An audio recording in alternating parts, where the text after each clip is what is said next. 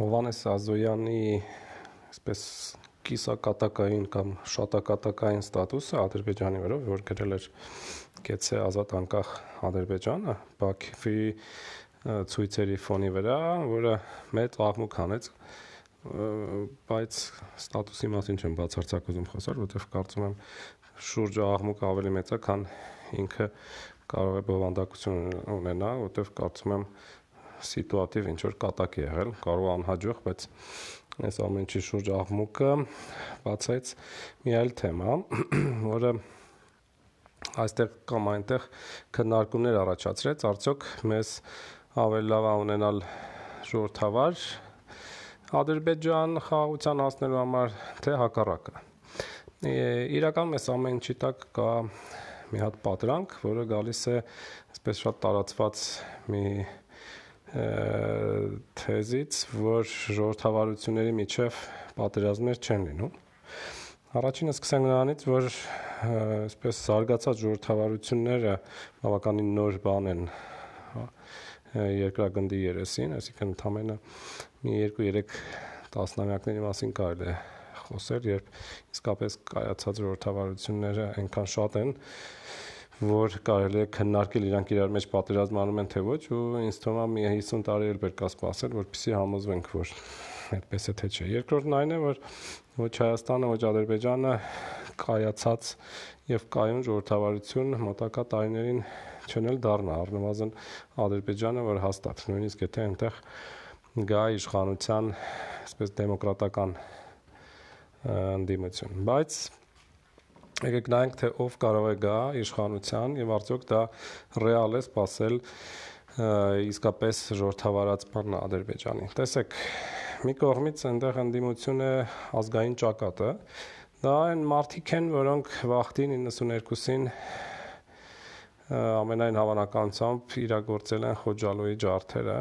իրենց տարածքի վրա եւ ծայրահեղ ազգայնականներ են։ Մյուսը մի քանի մի այսպես ժողովրդավարական լիդերների մասին կարող ենք խոսել, որոնց մասին անընդհատ միջազգային կազմակերպություններում են խոսում, որովհետև փաստացի այսօր Ադրբեջանի տարածքում շատ քիչ մարդ կա, որ կարող է ընդհանրապես դիտարկվել որպես ժողովրդավար շատ པարզ պատճառներով։ Մի մասին սպանել են, մի մասը նստած են, մեծ մասը փախած է եւ դեռ մեծ հարց է, իրենք ընդհանրապես ներգրաված կլինեն շատ տեսական փոփոխությունների մեջ, որոնք կարող են լինել Ադրբեջանի ներսում, թե ոչ։ Բայց ով են այն մարդիկ, որ այսօր կան Ադրբեջանի ներսում եւ իրենց մասին խոսվում է որպես այսպես ժողովրդավարության այսպես ճատագողներ։ Մեկը օրինակ Խադիջան է լրագրող, որը անընդհատ ճնշումների է ենթարկվում եւ անընդհատ միջազգային կազմակերպությունները պահանջում են իրեն հանգիստ թողել եւ ինքը դիտարկվում է որպես ազատ խոսքի, այսպես ամենա առաջադեմ մի երևույթ։ Ես Խադիջային գիտեմ 2003-ից։ Ինքը միգուցե խոսքի ազատության մեծ կողմնակից է, բայց հայերի հարցում ծայրահեղ ազգայնական է։ Եվ չի էլ թաքցնում, ընդամենը 1-1.5 տարի առաջ շատերը կարող է հիշեն, ինքը ակնհայտ հակահայկական հայտարարություններ էր անում Facebook-ում։ Պարզապես այդ ամեն ինչը չի նկատվում իր ընդհանուր այս հալածված լինելու ֆոնի վրա։ Մեկ ուրիշը Իլգար Մամադովը, որը երկար տարիներ եղավ բանտերում եւ Եվրոպայի ճնշման տակ բաց թողնվեց։ Ինքը շատ այսպես եվրոպական տեսք ունի, ակնոցները գրում, պրոֆեսորի տեսք ունի եւ անդադ խոսում է ժողովրդավարության մասին, բայց ես այդ մարդը նույնպես շատ շուտվանից գիտեմ, դեռ համացանցից հետո շատ շփվել եմ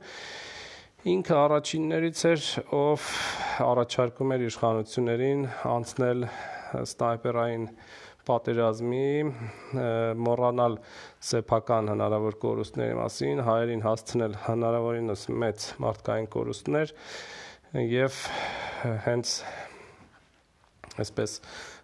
ճնշելով հասնել հաղթանակին։ Հենց որ սա եւս մի արտակինում դեմոկրատական դեմքերից է, որը ներքինում շատ հստակ հակահայկական տրամադրություններ ունի եւ մեծ հարց է ով է ավելի հակահայ Իլհամը թե օրինակ Իլգար Մամադովը։ Այնպես որ պետք է հաշվի առնել, որ մի քիչ պետք է իլյուզոր աներով չապրենք, Ադրբեջանը շատ երկար տարիներ գտնվում է ներքին քարոշչության ազդեցության տակ, այնտեղ դպրոցից անընդհատ սովորեցնում են թե ինչ վատն են հայերը, մենք լավ չենք պատկերացնում թե ինչ ուժգնության է հասնում այս պետական քարոշչությունը, ինչքանով են մարդիկ ճնշված, որ վախենում են հայերի հետ նույնիսկ շփվել։ Ես բազմաթիվ լրագրող ծանոթներ ունեմ ադրբեջանցի, որոնք բավականին adekvat մարդիկ էին դեռ 10 տարի առաջ, բայց հիմա հետները ընդհանրապես շփվել հնարավոր չէ, այսինքն մարդիկ տանիների ընթացքում շատ հստակ հակահայկական հակահայաստանյան չէ հենց հենց հակահայկական այսինքն ազգային հողի վրա այսպես շեղվածություններ են ստացել այդ ամեն ինչը սկսվեց իհարկե Իլհամի իշխանության գալուց երբ ինքը հավաքեց ակադեմիայի գիտությունները եւ պահանջեց պատմությունը նորից գրել երբ արգելեց շփումները հայերի եւ ադրբեջանցիների միջև ՀԿ-ների մակարդակով Եվ այս ամեն ինչը սաստկացավ 2012-ի սեպտեմբերից Ռամիլ Սաֆարովի վերադարձից եւ հերոսացումից, այնպես որ մենք պետք է հաշվի առնենք, որ մեր կողքը միասարակություն է, որի լրջությունը հակահայկականության շատ մեծ է։ Մենք մեր վերով ենք չափում եւ լավ չենք պատկերացնում։ Իրականում այնտեղ շատ լուրջ այսպես սանացիոն process-ներ են պետք, որպեսզի հեսա թույնը, որը ներարկվել է տարիներով դուրս գա, որպեսզի իրական շփում հնարավորություն լինի, հենց որ եթե մենք ունենանք մեր կողքը ժողովրդավար Ադրբեջան, դա դեռ մեծ հարց է, ինքը ավելի վտանգավոր մեր համար կլինի, թե ավելի քիչ վտանգավոր։ Ես ենթադրում եմ, որ ներկա քաղաքական, տնտեսական էլիտայի արկայության դեպքում իսկ իրանք չեն վերանա էլիտա ասելով ես շատ ավելի լայն եմ անցալում դա նաև գրողներն են երկիչները լրագրողները եւ այլն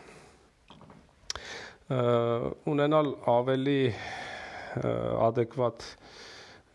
պարտներ, որի հետ հնարավոր կլինի խաղաղության գալը դժվար թե, այսինքն դա պետք են տարիներ, եկեք մի քիչ adekvat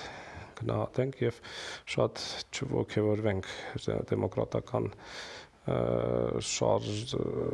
շարժումներից, որովհետեւ դեռ մեծ հարց է թե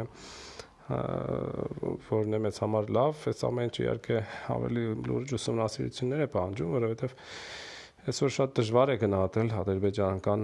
հասարակությունը։ Շատ մարդիկ պարզապես վախենում են իրենց կարծիքը գրել ցանցում, եւ բայց դա էլ է ցուցանիշ։ Եվ եթե դու տարիներ այդպես ես ապրում, շատ բան փոխվում է ու անմիջապես դեպի լավը փոփոխությունները ակնկալել դժվար է։ Եվ այսօր այսքանը։